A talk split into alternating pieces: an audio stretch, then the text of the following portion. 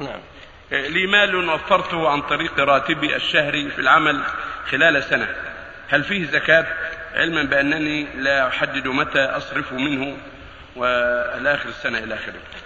إذا وفر الموظف من راتبه شيئا فعليه يضبط ذلك بالكتابة حتى يعلم ابتداء ذلك وانتهاءه فكلما تمت عليه السنة زكاة بربع العشر. فإذا كان يوفر كل شهر ألف أو ألفين يقيد الشهر الذي وفر فيه. إذا تمت السنة زكى هذا الموفر. وهكذا الشهر الثاني وهكذا الشهر الثالث. كل شهر يزكيه إذا حال عليه حوله.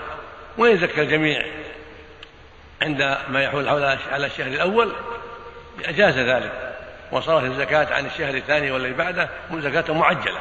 نعم. ولا يضره ذلك نعم. يعني نسبة كل شهر يدفع زكاته كل شهر إذا تم إذا تمت السنة آه. وجب إخراج الزكاة. آه. ثم هكذا الشهر الثاني وهكذا الشهر الثالث وهكذا يعني كان يدفع زكاة كل شهر. نعم. على أساس أن كل شهر مر عليه 12 شهر. هذا.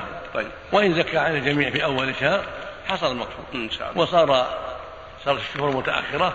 زكاة